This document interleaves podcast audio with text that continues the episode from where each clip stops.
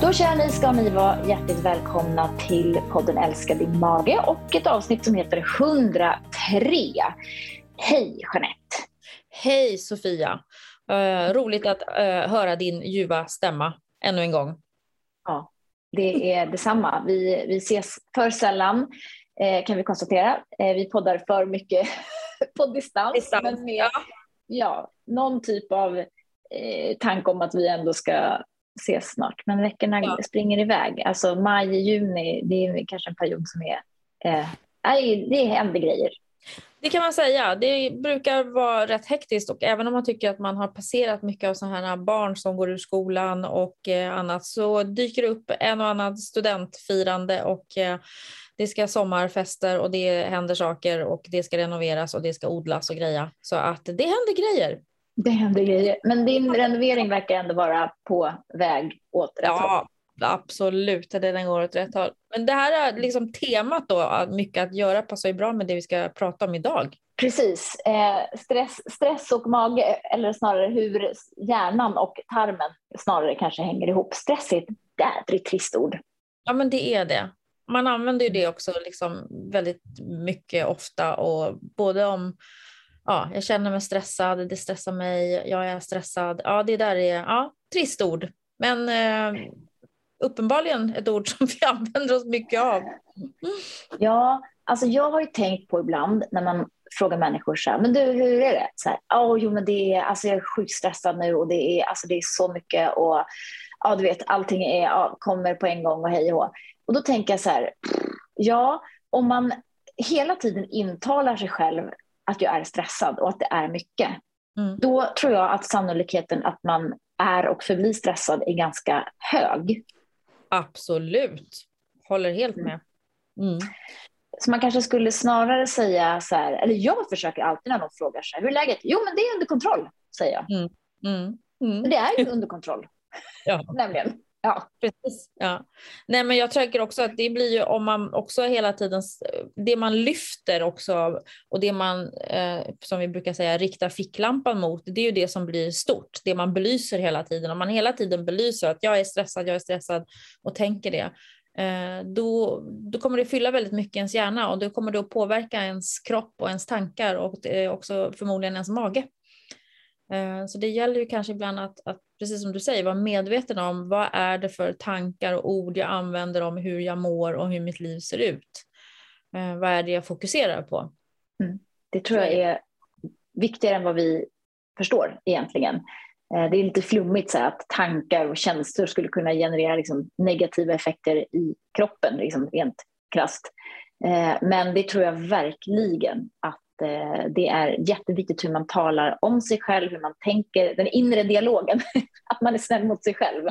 Mm. Eh, det tror jag är jätteviktigt och någonting som vi behöver öva på, för det är lätt att komma in i det här att man slår på sig själv och ja, men jag är så jäkla dålig, fasen kunde jag missa det där. Och, alltså, det, är, det är lätt att komma in i den dialogen. Mm. Absolut, och det har vi pratat ganska mycket om och även tror jag, skrivit i en bok vi har skrivit tillsammans om just det här med stress och hur det påverkar. Och den här inre stressen som ju är, det är ju ens tankar och oro som skapar känslor.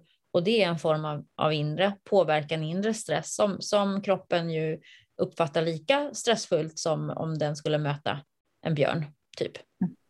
Utan det blir mm. samma påslag i kroppen av, av det här. Så det är verkligen eh, värt att tänka på. Ja, men så är det ju. Och det är ju också så att vår hjärna eh, uppfattar ju någonting som vi tänker på mycket och liksom oroar oss över och, och har mycket energi kring. Det fokuserar ju också vår hjärna, hjärna då lite extra mycket på. Mm.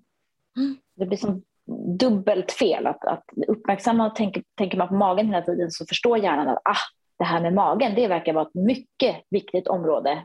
Då fokuserar jag lite extra på den och så blir det liksom eh, som en, vad ska man säga, att det upptar ett större, större område helt enkelt i, i hjärnan som får fokusera på magen. Mm. Ja, det, det, det, där, det är värt att tänka på. Hur, hur, som du säger, hur tänker jag och pratar om mig själv, om mitt liv, vad är det jag fokuserar på?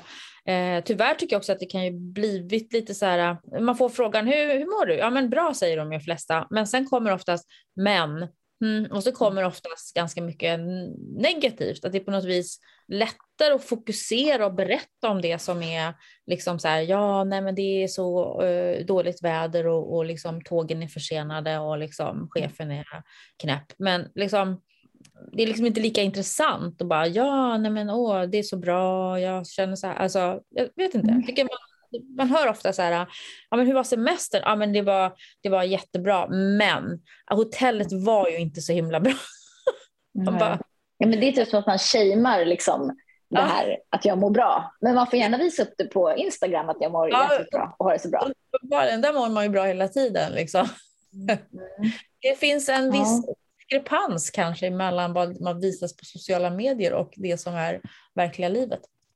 Ja, och jag tänker så här, det man visar på Instagram, nu, det här är bara helt random, för jag är ju inte ens på Instagram, så jag, hur ska jag veta? Men jag tänker ändå att det man gör på Instagram är ju instant, det vill säga det är det jag upplever nu. Titta här mm. var bra. Men när man har varit någonstans och kommit hem, eller man har liksom, hjärnan har ju en förkärlek till att komma ihåg det negativa och det positiva som har hänt. Vi brukar prata om det här med kardborrar och teflon. Att liksom mm. Det negativa sätter sig som kardborrar, det positiva det är som teflon, det bara sköljs bort ur hjärnan. Så att i efterhand kommer man ju sällan ihåg det som var bra, utan då har man liksom så här, det var bra, men så får det negativa faktiskt ta en större utrymme. Ja, och det är ju jättesynd. Det kanske är den här i linje med det här att vi är sådana flockdjur som är skapade för nedärvt att vi ska ha ångest och oro egentligen, att det inte är så konstigt. Vi är väldigt sällan lyckliga i liksom längre tid, för det ligger emot vår biologiska natur och hjärna att vara det. Så det kanske liksom är lite linje med det. Vi plockar fram det där lite negativa. Vi snuttefiltar på liksom krig och kris. Ja, ja lite typ. så. Och så blir vi påverkade mm, förstås också då när, vi, när det blir mycket fokus. Det, det har jag upplevt senaste ja, den här våren måste jag faktiskt säga. Eh, jag har inte oroat mig så mycket för världssituationen i mitt, i mitt vuxna liv, men jag tycker att eh, den här, det här krig, efter pandemin och det här kriget som kom eh, nu i vår och där jag tycker att det, tar, det blir fokus på totalt fel saker. Att, eh, vad jag menar att det, var liksom det vi skulle oroa oss för på riktigt, det är ju miljön och vad som händer på vårt jordklot och nu blir fokus någonting helt annat det tycker jag är, där har jag varit tvungen att skärma av att inte läsa för mycket för att eh, man blir påverkad tycker jag. Mm. Mm. Ja men så är det Det här med skippa nyheter, det kommer en bok som heter Skippa nyheterna. Men jag vet inte vem som har skrivit den dock. Mm. Ja. Nej, okay. Men alltså, jag kan tyvärr inte tipsa om den. Annat. Är det bra eller dåligt att göra det? Det vill också säga. Jag känner att man kan inte bara blunda för allting. Man måste ju liksom göra någonting åt det. Jo, det kan man faktiskt göra. Petter Stordalen säger alltid skippa nyheterna. Gör han det? Så säger han inte. Men han säger, äh, säger alltid, jag har hört honom säga, skippa nyheterna. Händer det någonting får du reda på det ändå. Ja, okej. Okay. Ja, jo, i och för sig då. Därför att det är sån feed av negativitet. Mm. Så. så. nu bryter vi den och ja. skapar positivitet. För nu ska vi nämligen berätta lite grann om hur hjärnan och tarmen eller tarmen och hjärnan hänger ihop. Um, vi har ju, vi tänker att vi går igenom lite grann, lite basic, hur det funkar rent fysiologiskt. Vi har ju alltid vetat att hjärnan hänger ihop med tarmen, det vill säga hur vi mår i hjärnan kan påverka tarmen. Det har ju varit ganska etablerat, fjärilar i magen eller man måste springa på toa innan man ska uppehålla en föreläsning eller något, vet, lite mm. grann så här man blir rädd, nervös och får lite så här påslag, då måste man tömma tarmen. Det är rent fysiologiskt stressrespons, fight or flight. Eh, men det vi kanske inte har vetat förrän, ja det var väl kanske, vad kan det vara, 5-10 år sedan, mm. eh, att det faktiskt också sker en kommunikation tillbaka från tarmen och upp till hjärnan. Det är alltså en tvåvägskommunikation, ett pingpongspel som pågår konstant. Mm. Det är ju väldigt spännande. Och det är ju precis också när den här äh, konstanta äh, tvåvägskommunikationen inte kanske är helt synkad som det kan bli också då en del problem. Eh, och man förstår ju då när man förstår hur mycket det är som är involverat i det här att, eh, att det kan bli problem, problem ibland. För det är ju liksom både bakterierna vi har i magen, svampar och virus som lever i våra tarmar som kommunicerar eh, med hjärnan på olika sätt och att, och att den här tarmbakterierna vi har, att de kan ha liksom en inverkan på, på hur vi mår och, mm. och den här funktionen. Så att ja, det är ju jättespännande. Ja, men det är verkligen det. Eh, och sen har vi då våra alla liksom, neuroner eh, nere i, i det, det, som kallas för det enteriska nervsystemet och som ligger som ett nät kan man säga runt hela mag-tarmkanalen. Eh, och, och, alla de skickar ju då signaler upp till hjärnan. Eh, små, små nervbanor men också då stora till exempel som, som vagusnerven. Och alla de här har ju också en potential att påverka vår hälsa och vårt mående, psykiska välmående också. Så att eh, det är verkligen någonting som jag tänker att när man känner sig deppad eller när man känner sig sugen på socker, då är det inte säkert att det är du som känner det, utan det kan vara dina tarmbakterier. Som är sugen på Ja, men precis. Och vem är det som styr här egentligen? Är det de eller är det vi? Kan man ju undra sig. De är ju tillsammans ja fler celler än vad människokroppen har brukar man väl prata om. Att liksom... Exakt, de är ju helt klart fler. Eh, vi är, vi är ändå större. Ja. Det är ju intressant nu när du säger det där om man är sugen på socker eller inte. Just den här äh, studien som kom för ett tag sedan när man hade gjort mm, prov på möss där man tog bort, det tror jag vi har pratat om tidigare, man tog bort den här smakreceptorn för socker i, i, liksom i smaklökarna men de här mössen föredrog ändå socker framför sötningsmedel för att de, och då upptäcker man att det är i tarmen som liksom eh, vill ha, måste bli tillfredsställd på den här glukosen. Eh, och det var ju intressant tycker jag. Exakt, det är ju verkligen tarmbakterierna där nere som i slutändan faktiskt så här, hallå, det kommer inte ja. ner något socker här, det kommer bara ner sötningsmedel till ja. exempel. Det har man också sett att, att man kan känna den söta smaken i munnen men när det väl kommer ner i tarmen sen så visar det sig att det var inget, det var inget riktigt socker där. Och ska man spekulera mycket vidare då på den så kan man tänka sig just i den här eh, tsunamin av eh, lightprodukter och läsker och sånt eh, som ska motverka övervikt och fetma så kanske man inte lyckas då helt eftersom det är andra saker som, som triggar sötsuget än bara smaken. Ja, det är ja. Precis så. Mm. Och sen ska vi ju också påminna oss om att, att um, tarm bakterierna, tarmfloran, den, är ju, den påverkas ju av många olika saker. Men stress är en sak och det ska vi fokusera lite grann på här. Men jag tänker också utifrån så här, miljö, alltså miljöfaktorer, mm. eh, antibiotika naturligtvis, hur vi föds, om vi ammas. Alltså hela den biten är ju också viktig för utvecklingen av en liksom tarmflora i balans.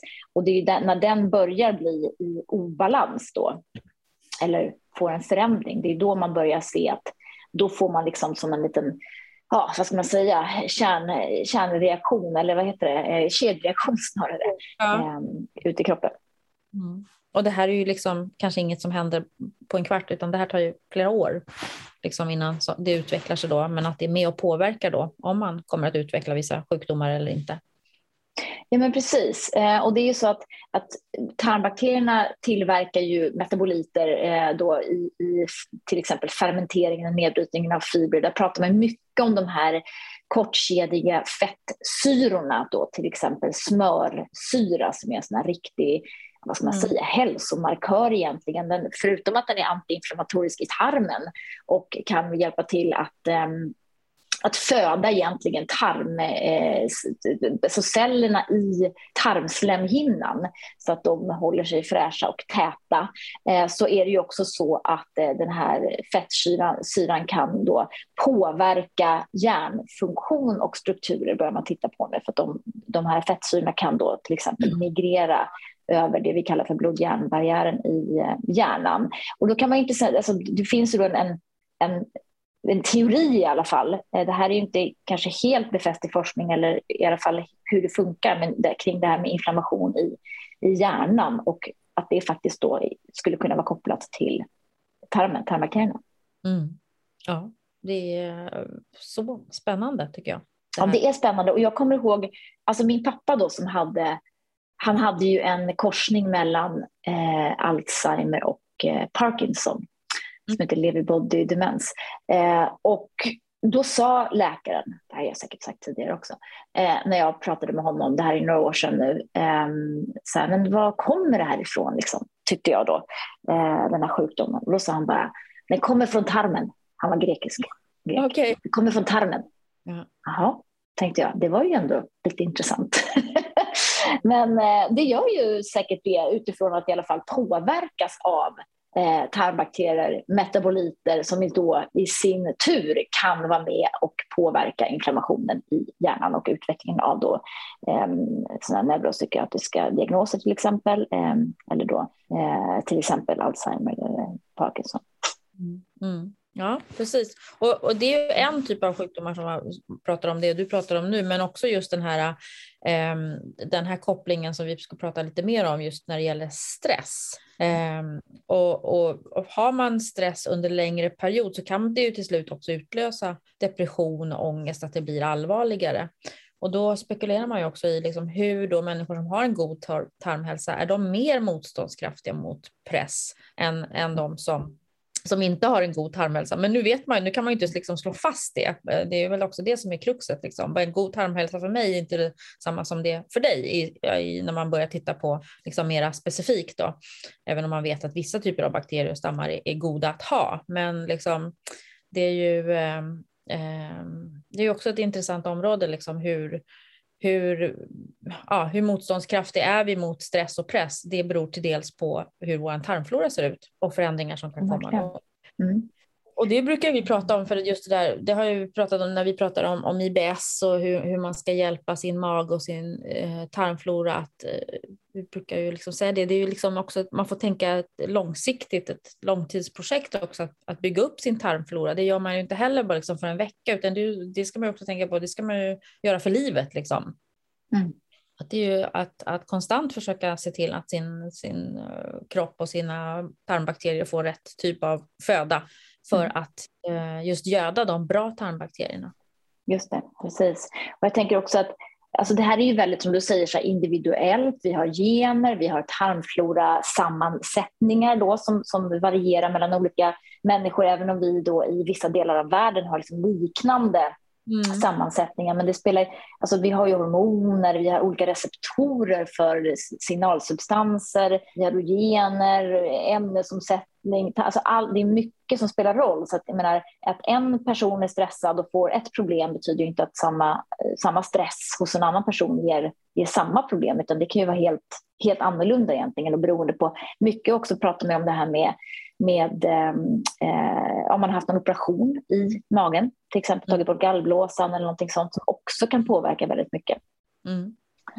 Mm. Så det här är ju verkligen ett, ett intressant område. Man förstår också hur de här olika signalsubstanserna faktiskt kan påverka oss på olika sätt och som faktiskt inte bara, man tänker sig att signalsubstanser och, och serotonin och liksom adrenalin och så, att det frisätts ju någonstans i kroppen bara och så, ja, så åker det runt.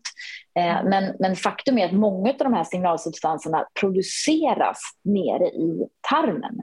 Eh, både serotonin, eh, till stor del, 90 procent av all, allt serotonin, och det är ju vårt må bra-hormon som vi får antidepp oftast förskrivet ehm, eh, när vi har lite för låga nivåer av och så tycker man att man mår lite bättre sen när man har fått upp nivån.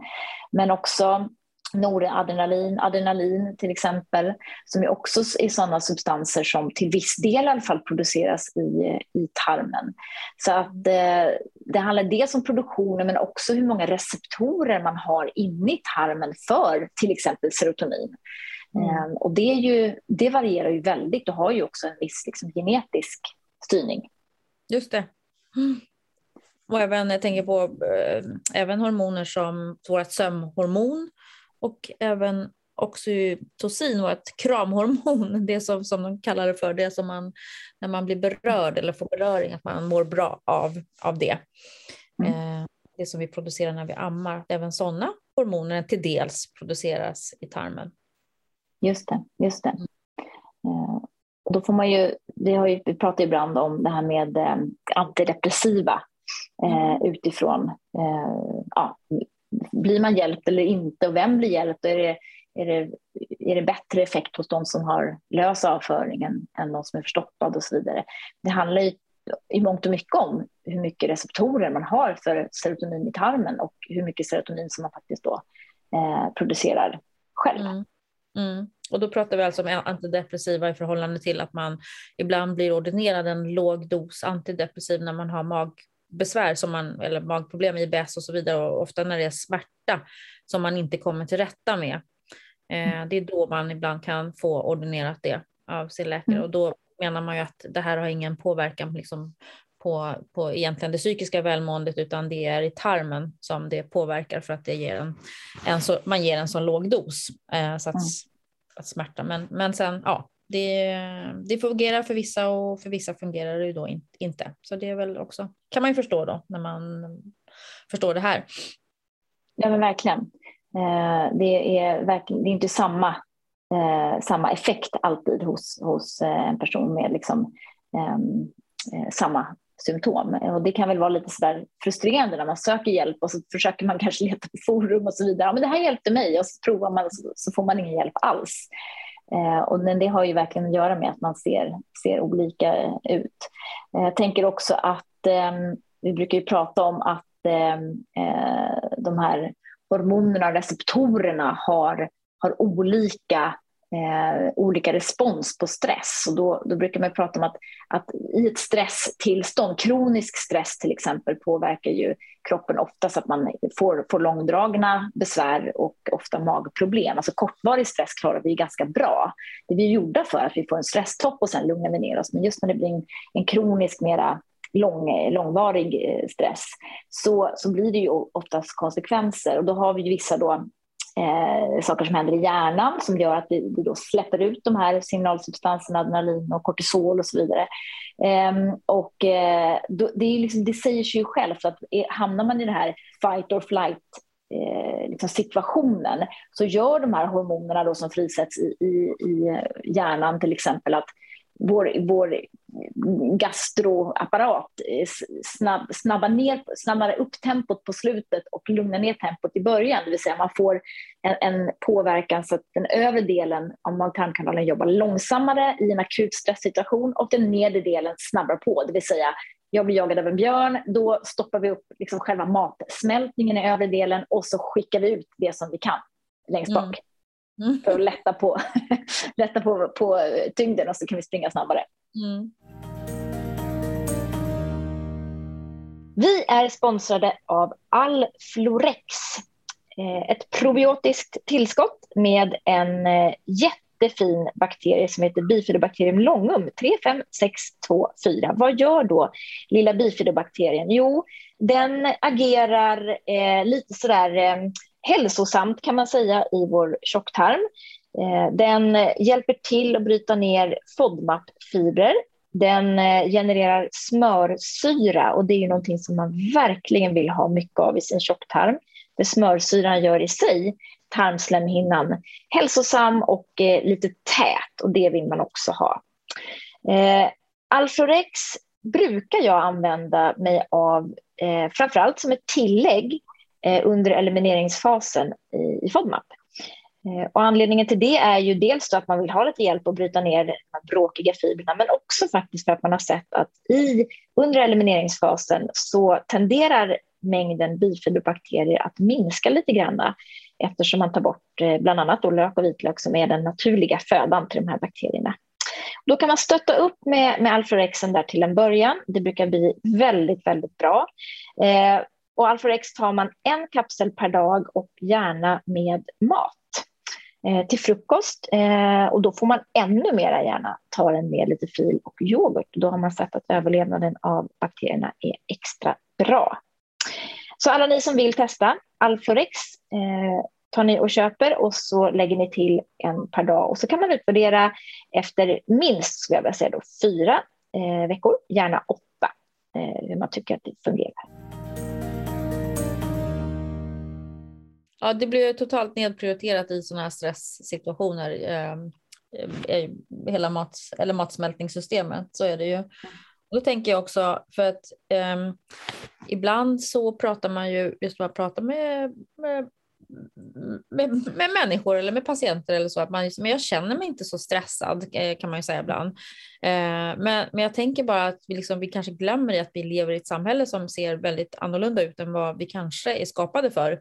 Så att den här, liksom, vi föds ju in i det och tycker att det här är normaltillstånd eh, det som vi upplever idag, men det kanske inte är det för våra kroppar, tänker jag på ibland. Och sen också just att man kanske har klarat sig bra i många år och sen så någon gång så börjar liksom kroppen säga ifrån.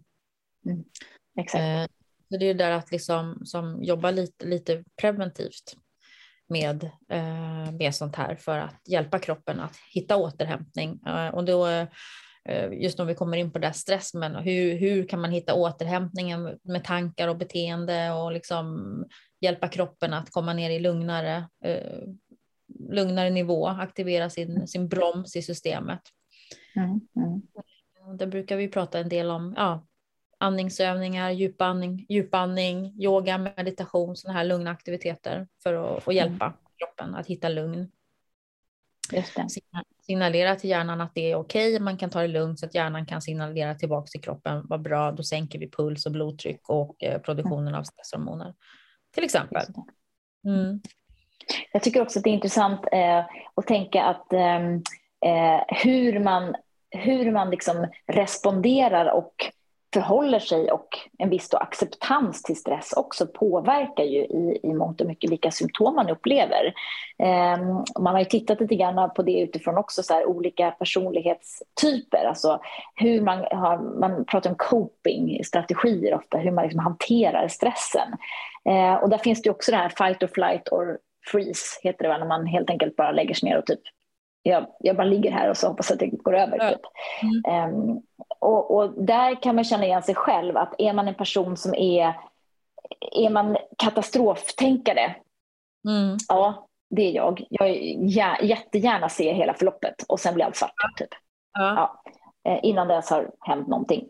Ja, eh, Eller är man, är man mer liksom lösningsorienterad som är så här, okej, okay, bra, men nu är vi här, men då hittar jag den här lösningen så slipper jag hålla på liksom och gegga runt i så här, oh, det, det, kommer inte gå, jag, det kommer aldrig liksom lösa sig, utan det är så här, okej, okay, bra, nu, nu hittar vi en lösning här. Det gör ju också skillnad på hur långvarig man upplever den där stressen. Löser ja. man det på en gång eller håller man på att älta det där i all liksom, evighet?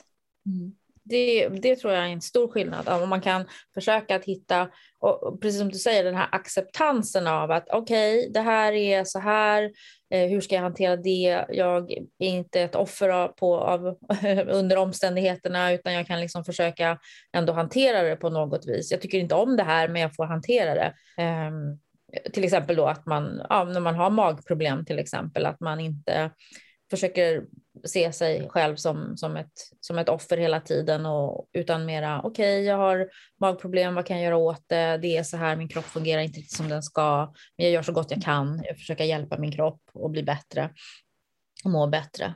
Eh, och det, mm. det brukar vi prata om just när man går in och gör eh, kostbehandlingen FODMAP och får liksom ofta då blir mycket bättre i magen och få mindre symptom, att man just får den här lite mera verktyget till att kunna förstå och veta vad det är som påverkar, inte bara med FODMAP utan med andra livsstilsfaktorer också, att det då ofta blir lättare liksom att hantera om man blir dålig i magen.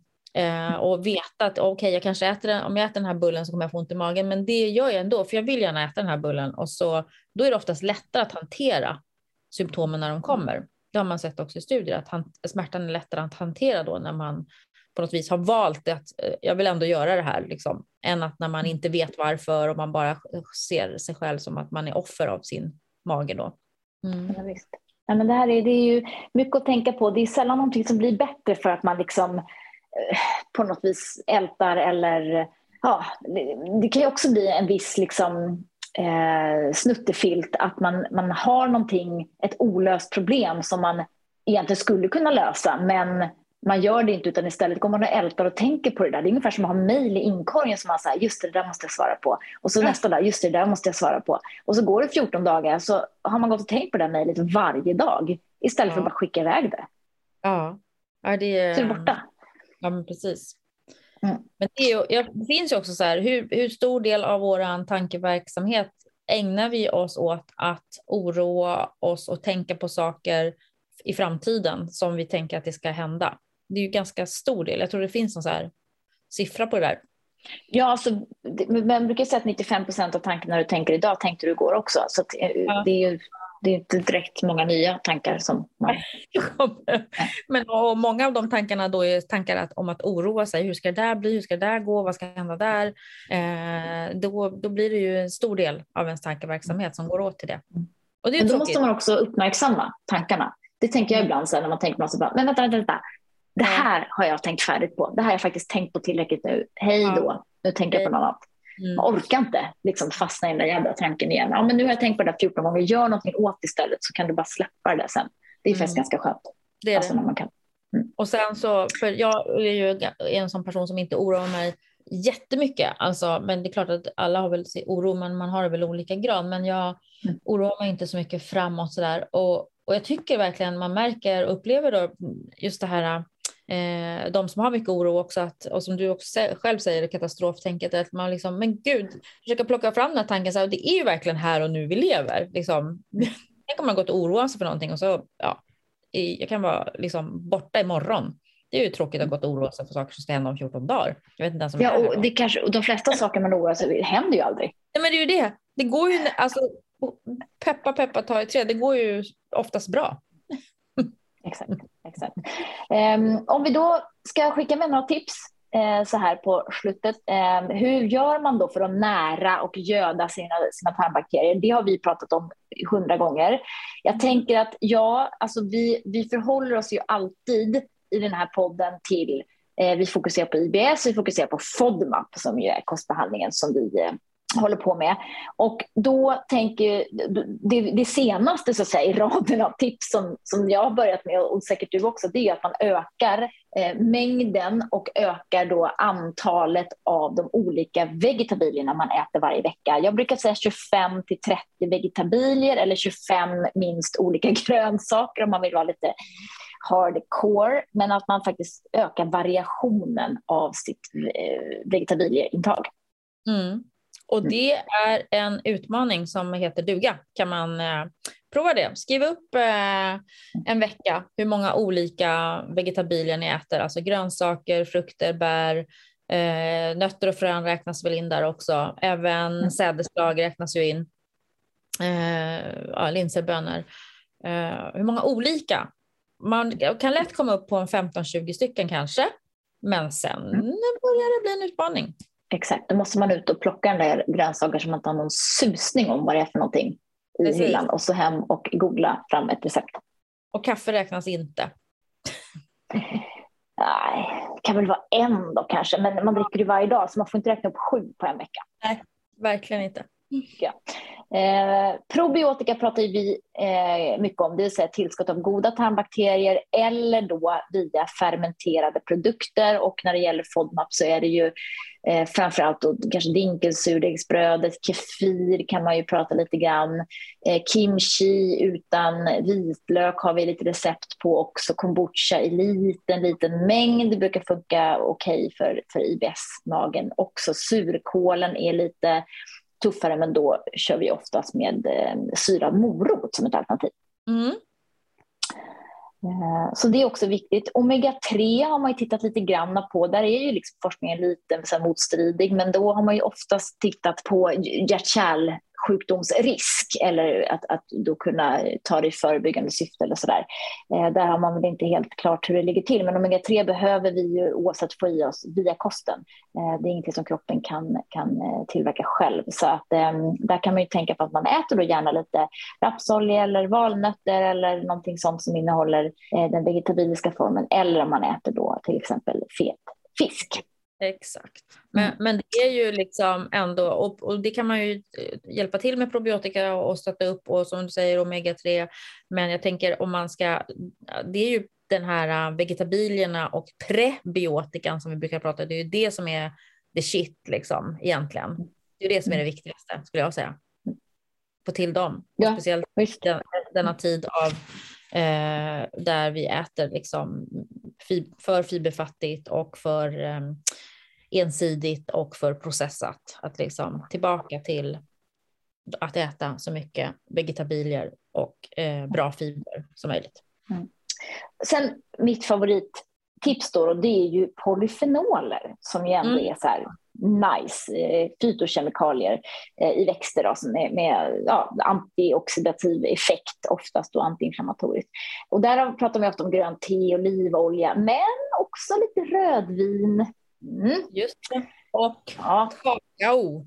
Mörk choklad. Mm. Ja. Och där finns det ju en annan, pratade vi om här för ett tag sedan, den här studien som kom just där man hade sett den här ökningen av en viss bakterie som jag inte kommer ihåg vilken det var. Eh, som man i en liten studie hade sett, de som åt då, mm, det var 80 procent i kakao varje dag. Jag tror till och med det var 30 gram eller någonting sånt. Eh, eller jag tror jag har gjort det sedan dess. Ja, jag också i stort sett. ja. Så att, alltså verkligen. Och det var ju nämligen de här bak de bakterierna som hade en påverkan på humöret. Det var ju det som var lite eh, intressant. Att de eh, deltagarna tyckte ju att de hade, mådde faktiskt lite bättre. Just det. Placebo eller icke. Men jag tror faktiskt att det var helt, eh, helt ja. bestyrkt. Så att det är väl inte helt fel att eh, dricka lite, lite rött vin och ta lite mörk choklad. Och jag är ju så glad att man kan dricka lite rött vin. Alltså några klunkar om dagen, det tycker jag är fin, fint. Ja. Ehm, det är värre när det blir några glas om dagen. Då, kan vi ju, då måste vi genast dementera någon typ av effekt. Tvärtom, bara dåligt.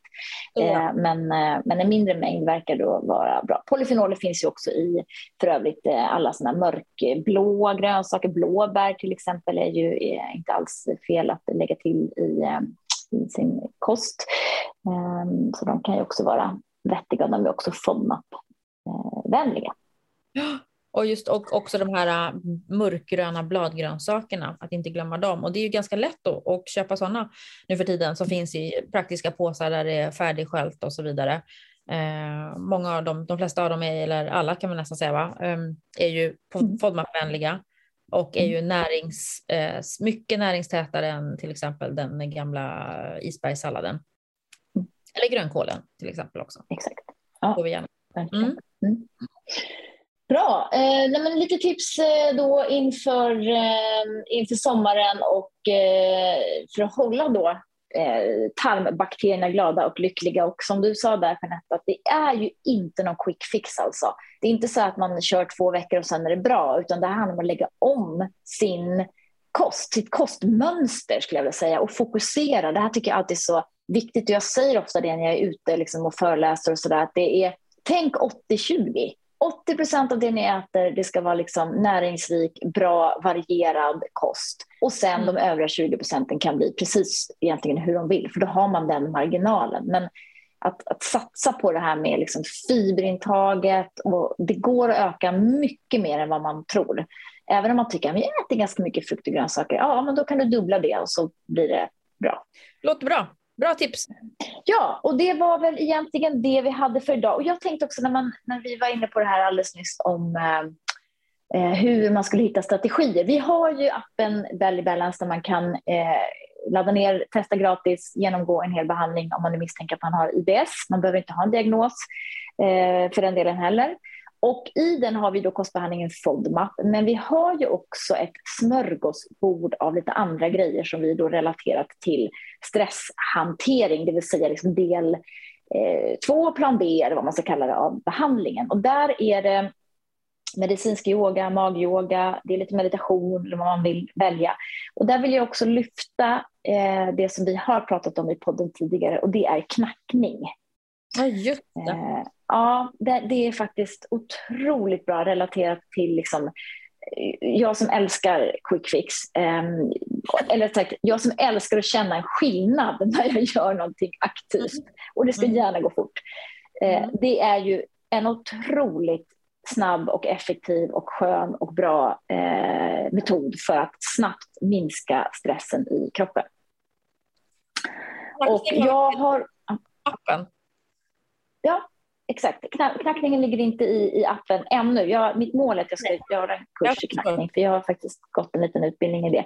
Men, men för övrigt så brukar jag ju rekommendera en app som heter The Tapping Solution där man kan eh, logga in och knacka lite gratis på vissa grejer. Så, så är ni intresserade så testa. Det är lite suspekt till en början, eh, men det är otroligt effektivt. Spännande. Och jag mm. kan då avslutningsvis tipsa om Eh, en sak som vi har i appen som vi har tjatat om förut och det är ju långa djupa andetag. Om man känner sig stressad, jobbigt, det är för mycket, det går för fort, då börja med andetaget. Jätteviktigt och jättebra. Då, och där då slår ni på Jeanette Steijer i örat bara och så guidar som dig genom detta. Mycket långsammare och mycket lugnare än vad jag gör i den här podden. Det var det. Man somnar nästan när man hör din röst. Det är så fin. Tackar, tackar. Ja, men det är, för mig så är det ju egentligen helt irrelevant vad man väljer, bara man hittar det som passar en själv. Och det är ju det som är så viktigt när det är, gäller stresshantering. Och låt oss hoppa över ordet stress här framöver. Orkar inte mer. Det blir svårt. Ja, vi slutar, exakt. vi avslutar nu. Vi gör det. Är det så att ni känner att ni vill prata med någon av oss dietister kan man alltid boka konsultation. Det gör man på bellybalance.se. Där har vi också vår webbshop med en massa fina FODMAP-anpassade livsmedel, lökolja, vitlöksolja, bars. Två nya bars, eh, smak, smaker på bars kommer i ja, augusti kanske det blir. Vi har provat ut dem. De är supergoda. Eh, håll ut, det kommer. Ja.